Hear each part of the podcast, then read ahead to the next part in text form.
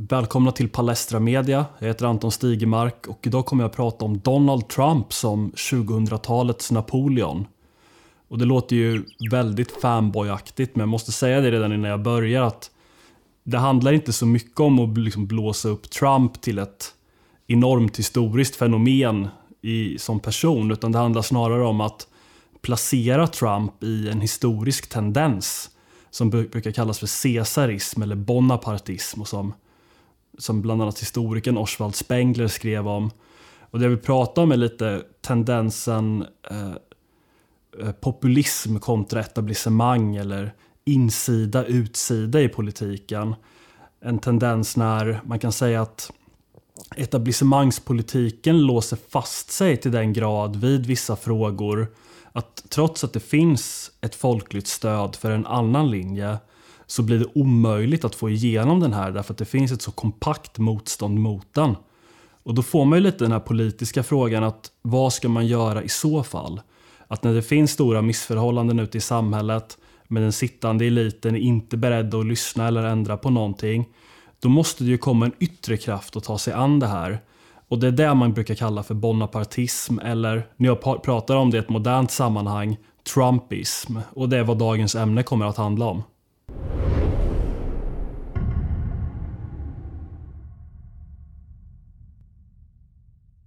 Det som jag framförallt ser som mitt arbete i det här, det är ju att eh, titta på pusselproblem. Att eh, kolla på saker och ting som inte går ihop och sen reflektera över varför. Varför är det saker som händer som inte verkar vara begripliga egentligen? Vi har ju sett eh, de senaste fyra åren, eller kanske till och med de senaste fem åren, ända sedan Trump började kandidera, eh, ett kompakt hat mot den här mannen. Inte så mycket ute i folkdjupet egentligen. Det kan det väl vara vissa personer som stör sig på Trumps persona, det vill säga att han är så han, han, han, han framstår exakt som den han är, det vill säga som en väldigt vräkig och skrytsam amerikansk miljardär av ett snitt som definitivt inte går hem i Sverige överhuvudtaget. Den typen av person är inte populär här. Men det, eh, det motiverar ju ändå inte riktigt det här hatet som vi har upplevt mot Trump från, Eh, från mediahåll, från politikerhåll och så vidare. Det, det verkar lite för mycket på något sätt. Jag, jag brukar ofta tänka att Trump, även om han har en del grejer som absolut kan betraktas som kontroversiella för, för svensk liberalism eller för svensk vänster eller någonting i den stilen. Men han, är, han vill strama, strama upp USAs invandring, han vill bygga den här muren mot Mexiko, han vill liksom ta sig an eh, ta sig an och liksom, liksom räta ut det här med invandringen så finns det ändå en hel del andra frågor där man kan tycka eh, det borde liksom tina upp frosten en aning. För jag menar, vissa av Trumps eh, stora puckar, det vill säga de här sakerna som har fått honom väldigt populär inom den amerikanska arbetarklassen. Segment av befolkningen som i vanliga fall brukar ha väldigt svårt för republikanerna därför att man, man associerar dem helt enkelt med en överklass som man inte tillhör och som man inte upplever att man delar några intressen med det är ju den här ekonomiska protektionismen för att eh, försvara inhemska, inhemska arbete och inhemsk välfärd. Det handlar om att liksom, ha en, en mycket stramare hållning mot Kina som man betraktar som en konkurrent på den globala världsmarknaden. Eh, det handlar om sån och eh, för att inte förglömma att Trump gick ju också till val på att bryta med den här eh, krigslinjen som tidigare presidenter har haft. George Bush, Barack Obama och det här att man tar sig an de här väldigt stora kostsamma krigen i Mellanöstern för vad jag skulle säga är väldigt oklara, eh, i bästa fall syften, eller till och med väldigt dunkla syften med en mycket tveksam agenda som, som definitivt inte gynnar den genomsnittliga amerikanska arbetarväljaren. Man kan tycka att det här är någonting som folk på vänsterkanten åtminstone borde, borde få dem att tina upp en aning. Man, man borde kanske tycka att ja, men det här är någonting som vi kan sympatisera med och som åtminstone är ett framsteg för, eh, för Republikanerna som ju haft en mycket sämre linje i de här frågorna innan. Och Sen är det klart att det finns andra skikt. Jag kan tänka mig att bombliberalerna på Expressen och eh, Svenska Dagbladet och sånt där som gärna vill se mer krig.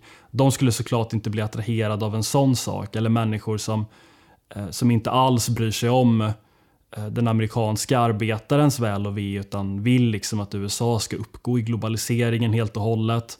Att det bara ska handla om marknadens konjunkturer utan någon som helst hänsyn till, till folkets välfärd. Det är klart att de inte bryr sig.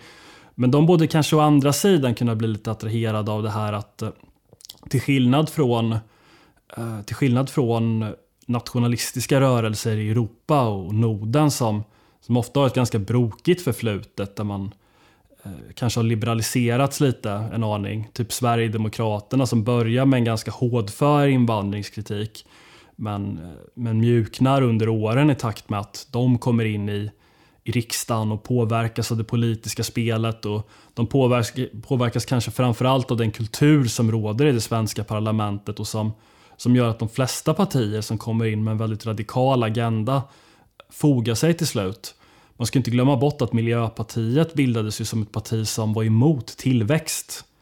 De, de hade en ganska radikal agenda från början. Men idag är de precis lika fogliga som vilket riksdagsparti som helst.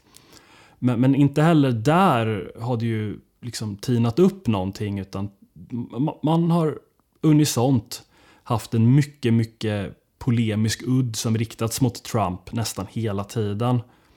Och det som får mig att tänka lite här är att även om motsatsen ofta hävdas så tror jag inte riktigt att konflikten i det här fallet handlar om, om värderingar. Det handlar, inte, det handlar inte om politiska värderingar och det handlar inte heller riktigt om Trumps person. Även om det såklart kan spela in på ett hörn så tror jag inte att det är det som det handlar om i första hand. Och det här man kanske måste titta i ett historiskt ljus. Historiskt ljus att vad är det som händer här egentligen? Vad är, vad, är, vad är problemställningen? Vad är det Trump vill göra? Vad är det angränsande politiska rörelser i världen vill göra? Att, och, och det är ju så här att Eh, man brukar ju prata om, man, man kan prata om någon sorts dikotomi mellan eh, folk och etablissemang eller styrande elit och de som blir styrda. Man skulle kunna säga att det är en av de absolut äldsta eh, kontrasterna i det politiska livet i vilket samhälle som helst egentligen. Att den moderna nationalstaten är ju ett förhållandevis nytt fenomen, det är ett modernt fenomen. Men om man, jag tror att man kan titta på i princip vilket samhälle som helst de senaste 5000 åren och du kommer upptäcka att det finns en grupp människor som, som styr och så finns det en annan grupp människor som är betydligt större som blir styrda av den här första gruppen människor. Och sen kan det se ut på olika sätt beroende lite på vad vi landar i historien, var vi gör vårt nedslag så finns det ju olika nivåer av hur, just hur sofistikerat det här är. Om du går tillbaka 5000 år i ett litet småsamhälle, ja men då skulle du ha en hövding eller en lokal krigsherre eller någonting som styr. Om du skulle gå, gå fram ett, några hundra år och du skulle landa i medeltiden, ja, men då skulle du ha en kung som styr med gudomlig rätt. Och det skulle finnas ett frälse eller en adel som styr tillsammans med kungen och har den mer nära, samhällsnära makten. Om du kommer fram till, till, till modern tid så, så har vi de stora demokratiska staterna där det, det liksom, makten är centrerad i staten, den är centrerad kring partiväsende, partiväsendena. Uh, och sen som samarbet, samarbetspartners så kan man väl säga att staterna har dels de stora byråkratierna som växer fram och i vår tid är en maktfaktor i sin egen rätt.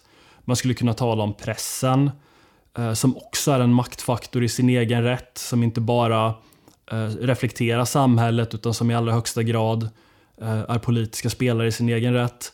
Man skulle kunna tala om storföretagen, intresseorganisationerna som samverkar med staten i någon utsträckning. Blå tåget sjöng ju att staten och kapitalet sitter i samma båt. Och då menade man ju Socialdemokraternas väldigt intima samarbete med de absolut största svenska företagen. Men, men det, det leder ju till vissa reflektioner i det här förhållandet för det blir, liksom, det blir alltid en spänning här mellan de styrande och de styrda. Och framförallt, hur ska de styrda kunna försvara sina intressen mot, eh, mot de som leder samhället?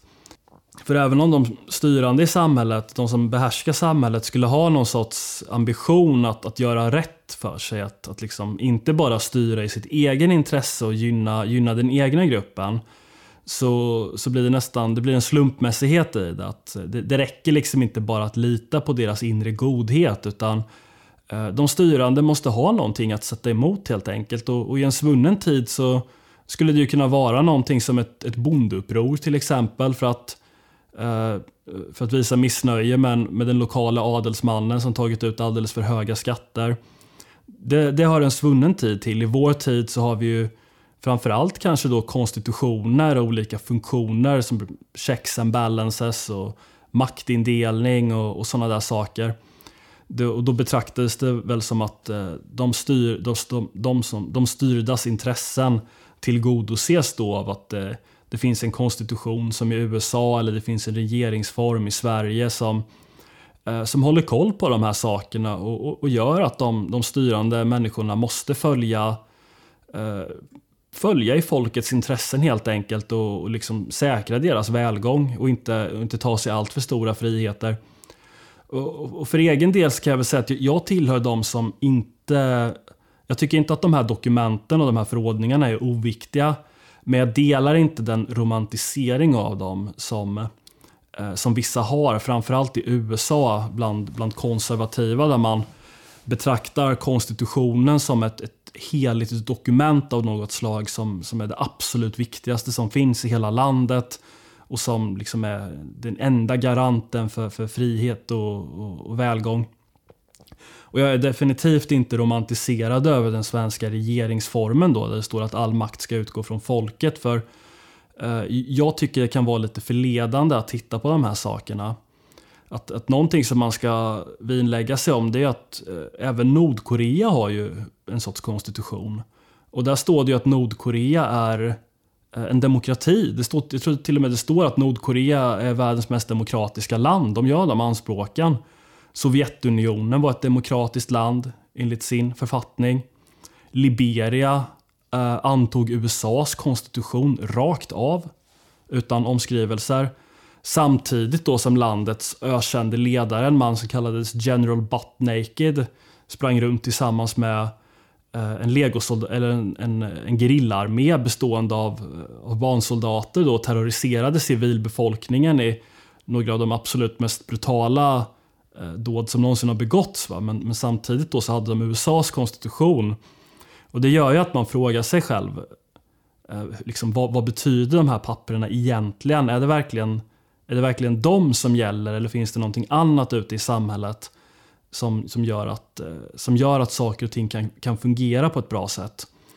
Och eh, det som filosofen Joseph de Maitre skrev, han var, han var kontrarevolutionär i Frankrike på 1800-talet. Han var väldigt, väldigt skeptisk till, eh, till franska revolutionen och han var framförallt väldigt skeptisk till det här upplysningstänkandet. Och de här idéerna om att, man, om att allting i samhället kan liksom planeras rationellt och det finns liksom en rationalitet bakom allting. Han trodde inte på att man bara kunde skriva ett dokument som stod, där det stod en massa saker och sen skulle människor på något sätt förhålla sig till det. Utan han trodde mer på det icke-rationella, på kulturen, på traditionerna, på, på det, det stoff liksom som människor hade i sina liv och den liksom kulturella väv som binder samman människor. och som Man skulle då kunna säga att om människor i ett land har en väldigt, en väldigt eh, frihetlig kultur och välfungerande kultur, då skulle det kunna formaliseras genom en konstitution till exempel. Att man skulle kunna skriva ner vad alla redan vet och, och tycker och tänker på.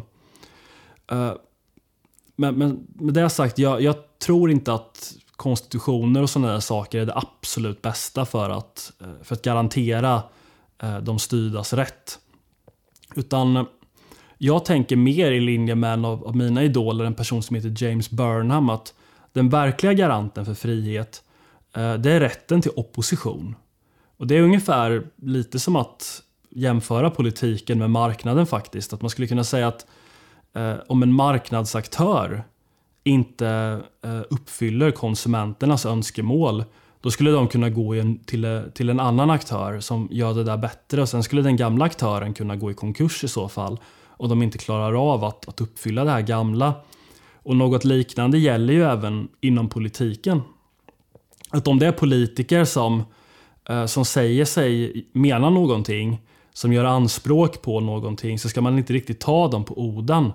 Utan man ska titta på vad de faktiskt gör. Jag menar, svenska public service eh, har ju eh, inskrivet i sitt styrdokument att de ska vara sakliga och opartiska. Men jag tror inte någon seriös bedömare kan, kan säga att de är det, utan de ljuger rakt av. Det är möjligt att de tror på det själva, det, det kan jag inte säga någonting om. Men det här som står i deras styrdokument, det återspeglar definitivt inte vad de gör. Så då kan man ju fråga sig, vad ska man göra istället då? Vad, vad, skulle vara bättre än det här i så fall? Och det jag menar att det första man måste utmönstra, det är ju idén om att det finns eh, en gudakung eller en adel eller något eh, statsbärande parti eller en neutral och saklig mediainstitution eh, som ensamt kan vara garanten för frihet och välgång. Det, det, stämmer inte, det funkar inte så och det har aldrig funkat så. För även om det är så att en organisation börjar bra, börjar med ett, ett gott syfte och liksom tar ta sig an ett uppdrag i samhället, vilket man kan säga att Socialdemokraterna gjorde en gång i tiden, så är det också fallet att alla organisationer följer ju någonting som, eh, som kallas för oligarkins järnlag, det vill säga att de blir i takt med att tiden går så blir de mer och mer centraliserade och toppstyrda. De förlorar ur sikte vad det var de egentligen började med, vad som var deras egentliga arbetsuppgift. Och eh, organisationen byråkratiseras, det vill säga att organisationen blir sitt eget ändamål.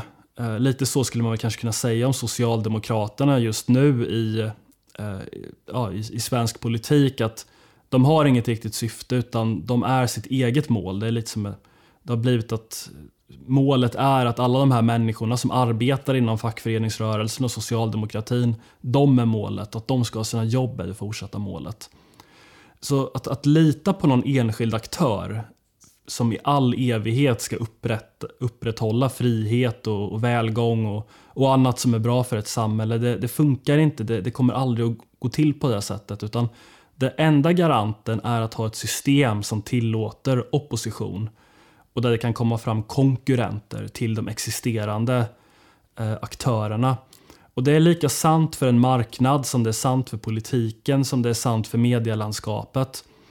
Att istället för att investera allt i public service till exempel och, och sen lita på, på att det här styrdokumentet de har eh, skulle kunna upprätthålla saklighet och opartiskhet när all empiri säger att de inte gör det.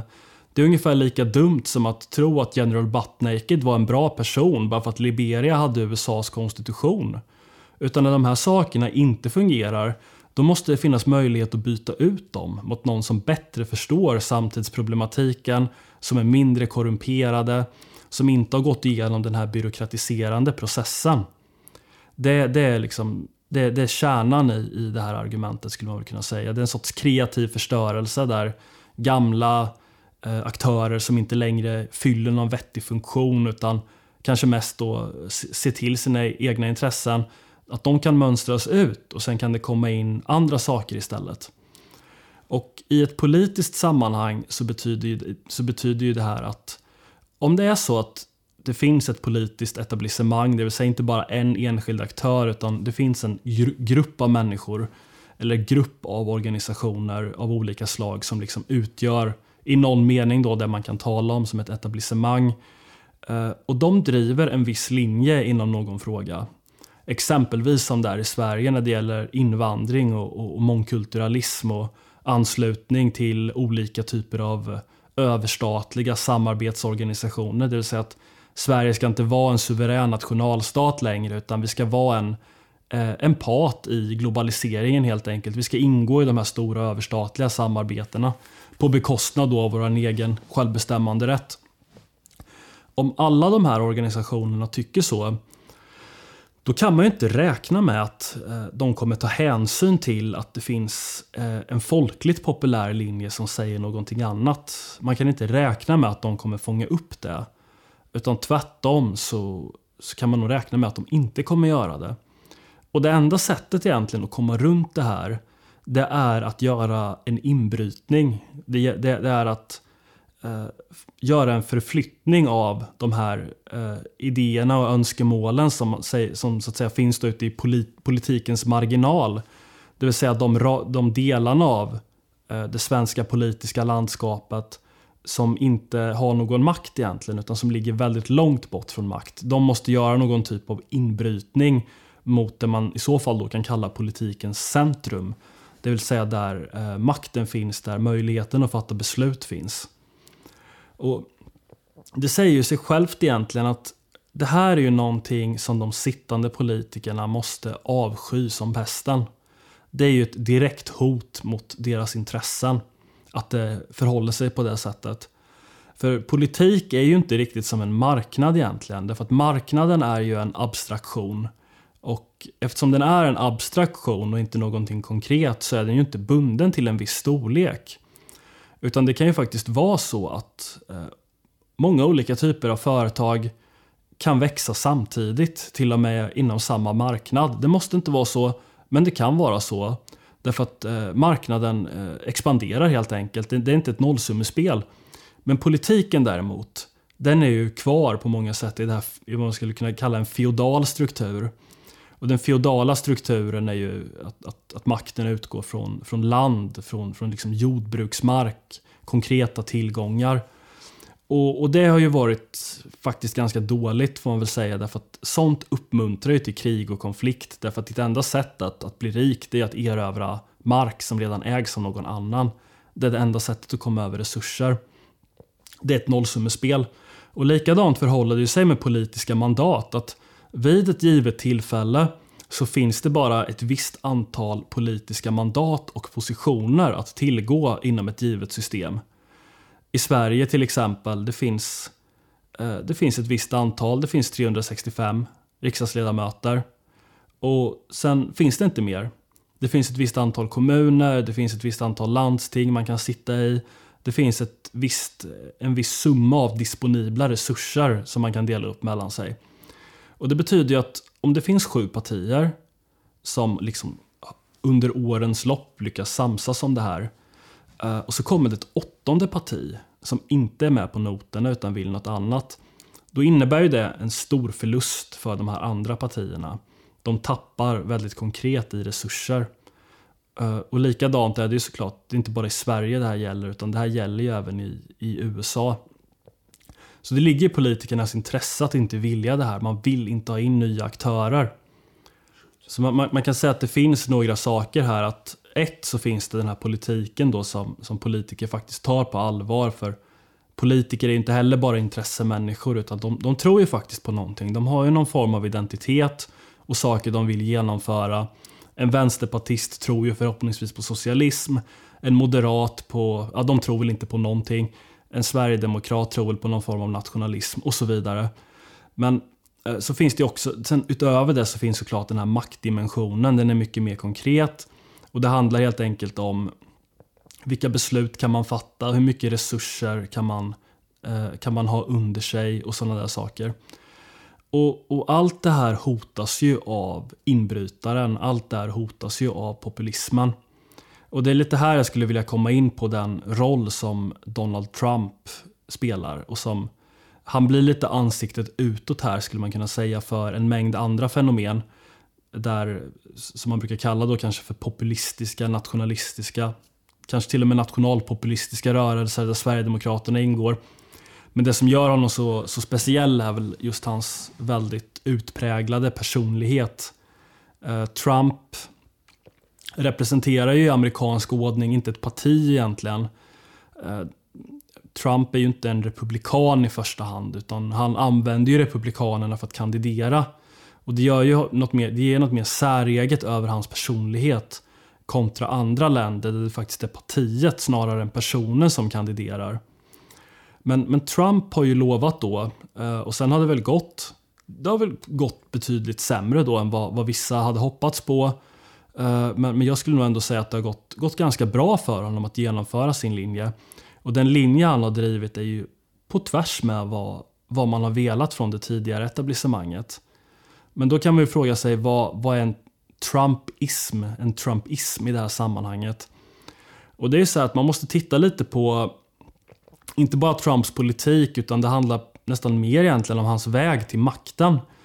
Och det är så här att om det finns ett väldigt kompakt etablissemang då förväntar man sig nästan att alla ska gå via etablissemanget till makten. Att om, om det finns två partier som heter Republikanerna och Demokraterna med sina respektive interna etablissemang och etablerade strukturer för hur saker ska gå till, sina fördomar och ideologiska överväganden och näta värderingar och sådana där saker, så finns det förväntningar på hur saker och ting ska gå till.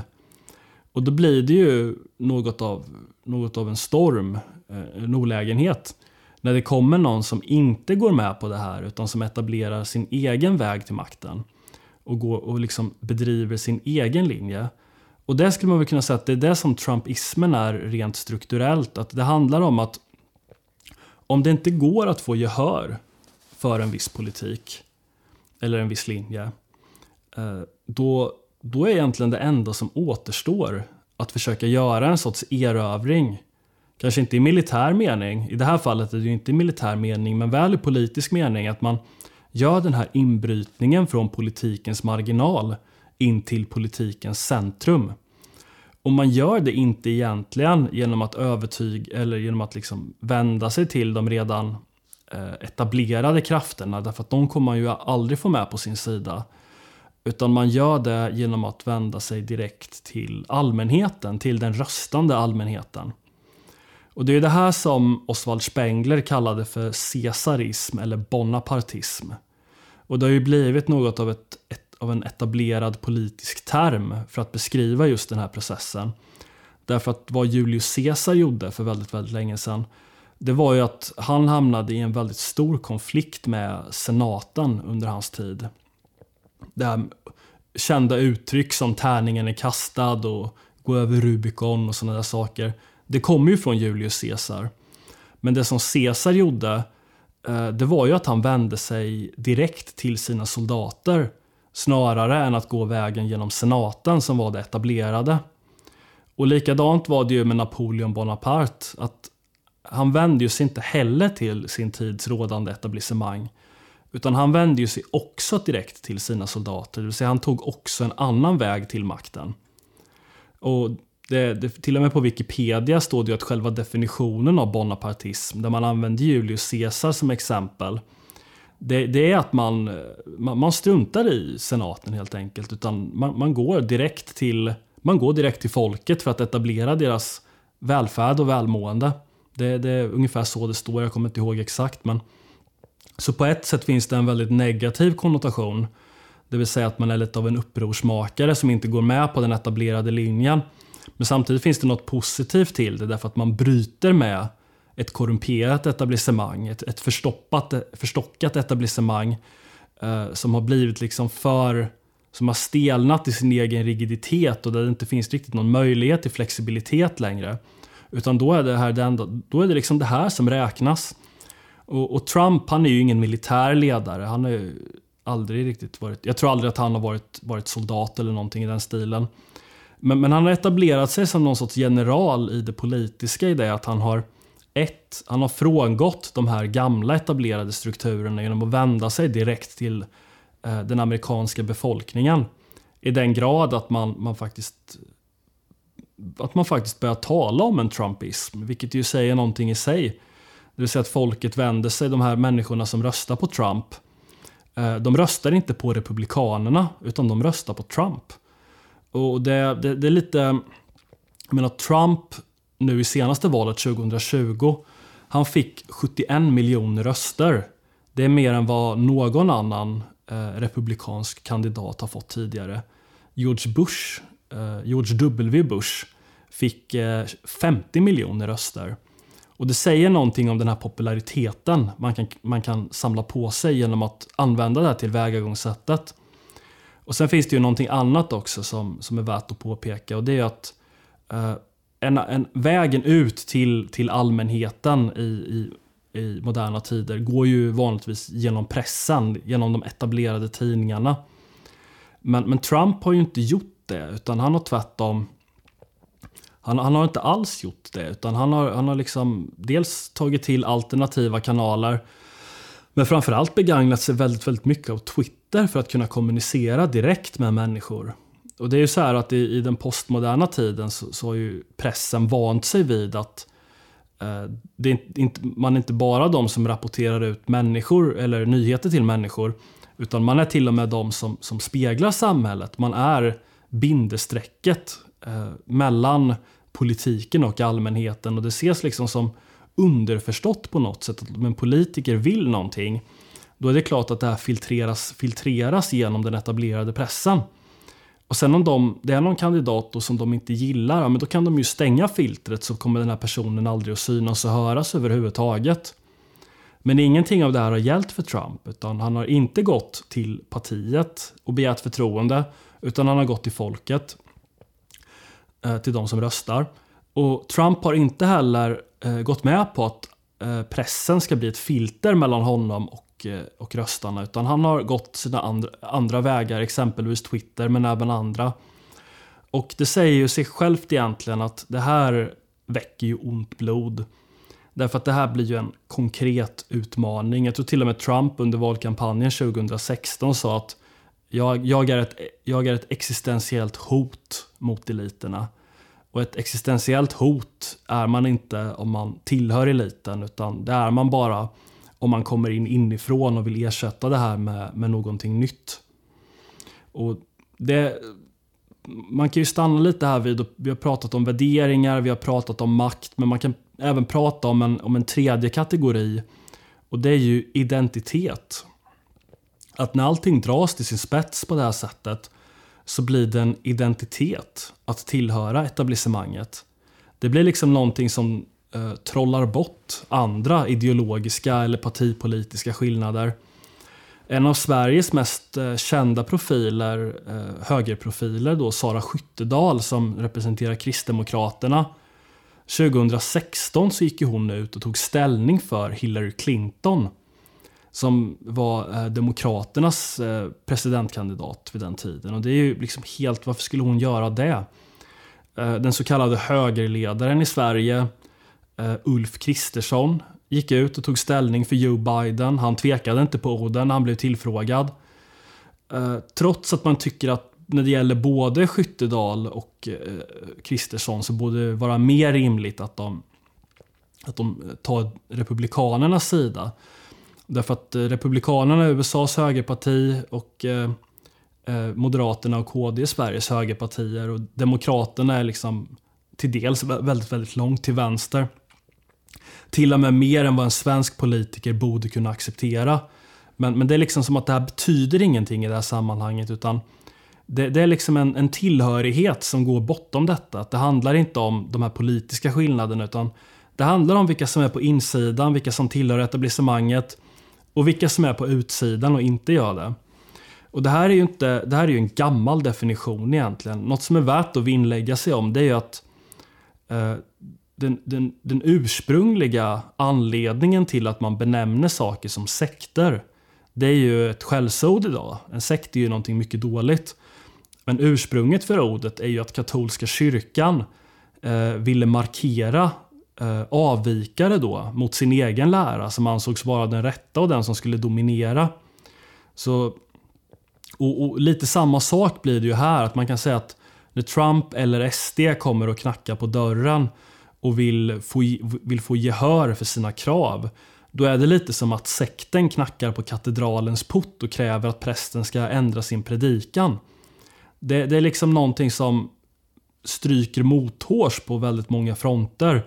Det är någonting som blir så fel på väldigt många sätt och det är liksom det som ger upphov till den här konflikten.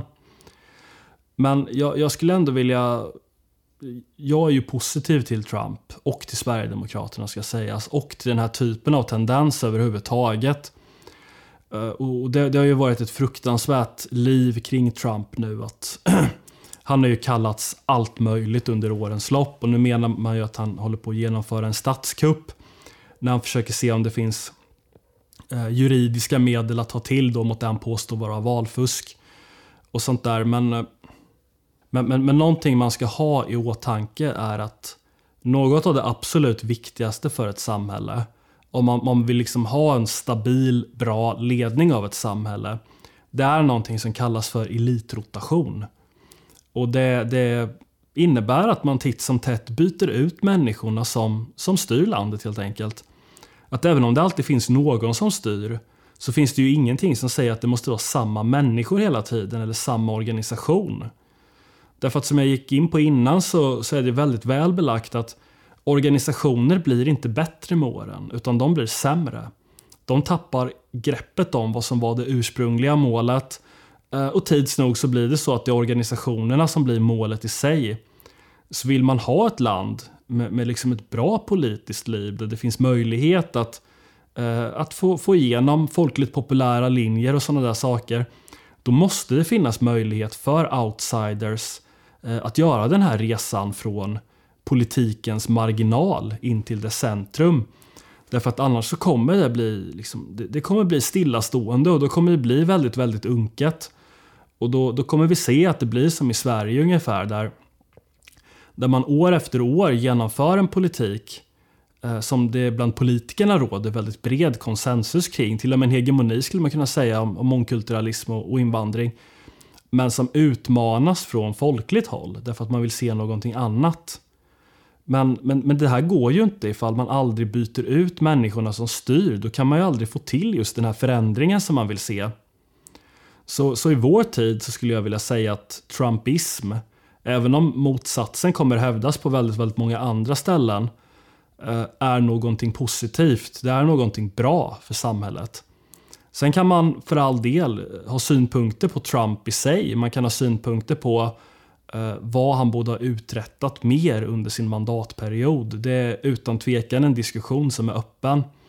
Men, men jag skulle ändå vilja slå ett slag för den historiska tendensen och, och sätta Trump i, i hans historiska sammanhang. Och jag skulle säga att det är ett väldigt nödvändigt historiskt sammanhang. Därför att om vi inte vill ha en helt förstockad elit där, där man liksom vägrar att lyssna på människor utan bara kör sin egen, eh, sin egen linje och inte alls tillåter någon opposition som faktiskt är garanten för, för frihet och välgång. Eh, då kommer det bli väldigt, väldigt stora problem. Vi, vi kommer inte alls gynnas av det som samhälle. Och eh, nu får vi se hur det går för Trump. Eh, om det blir någon statskupp eller ifall han får eh, mer tid över till att spela golf. Med det sagt så, så vill jag verkligen tacka er så mycket för att ni har lyssnat på det här. om ni vill prenumerera så får ni väldigt gärna göra det. Det finns den här lilla, lilla klockan här nere. Vill ni donera till och med så är ni mer än välkomna att göra det. Vi kommer fortsätta producera mer material på den här kanalen alldeles oavsett. Så tack så mycket och ha det bra fortsättningsvis.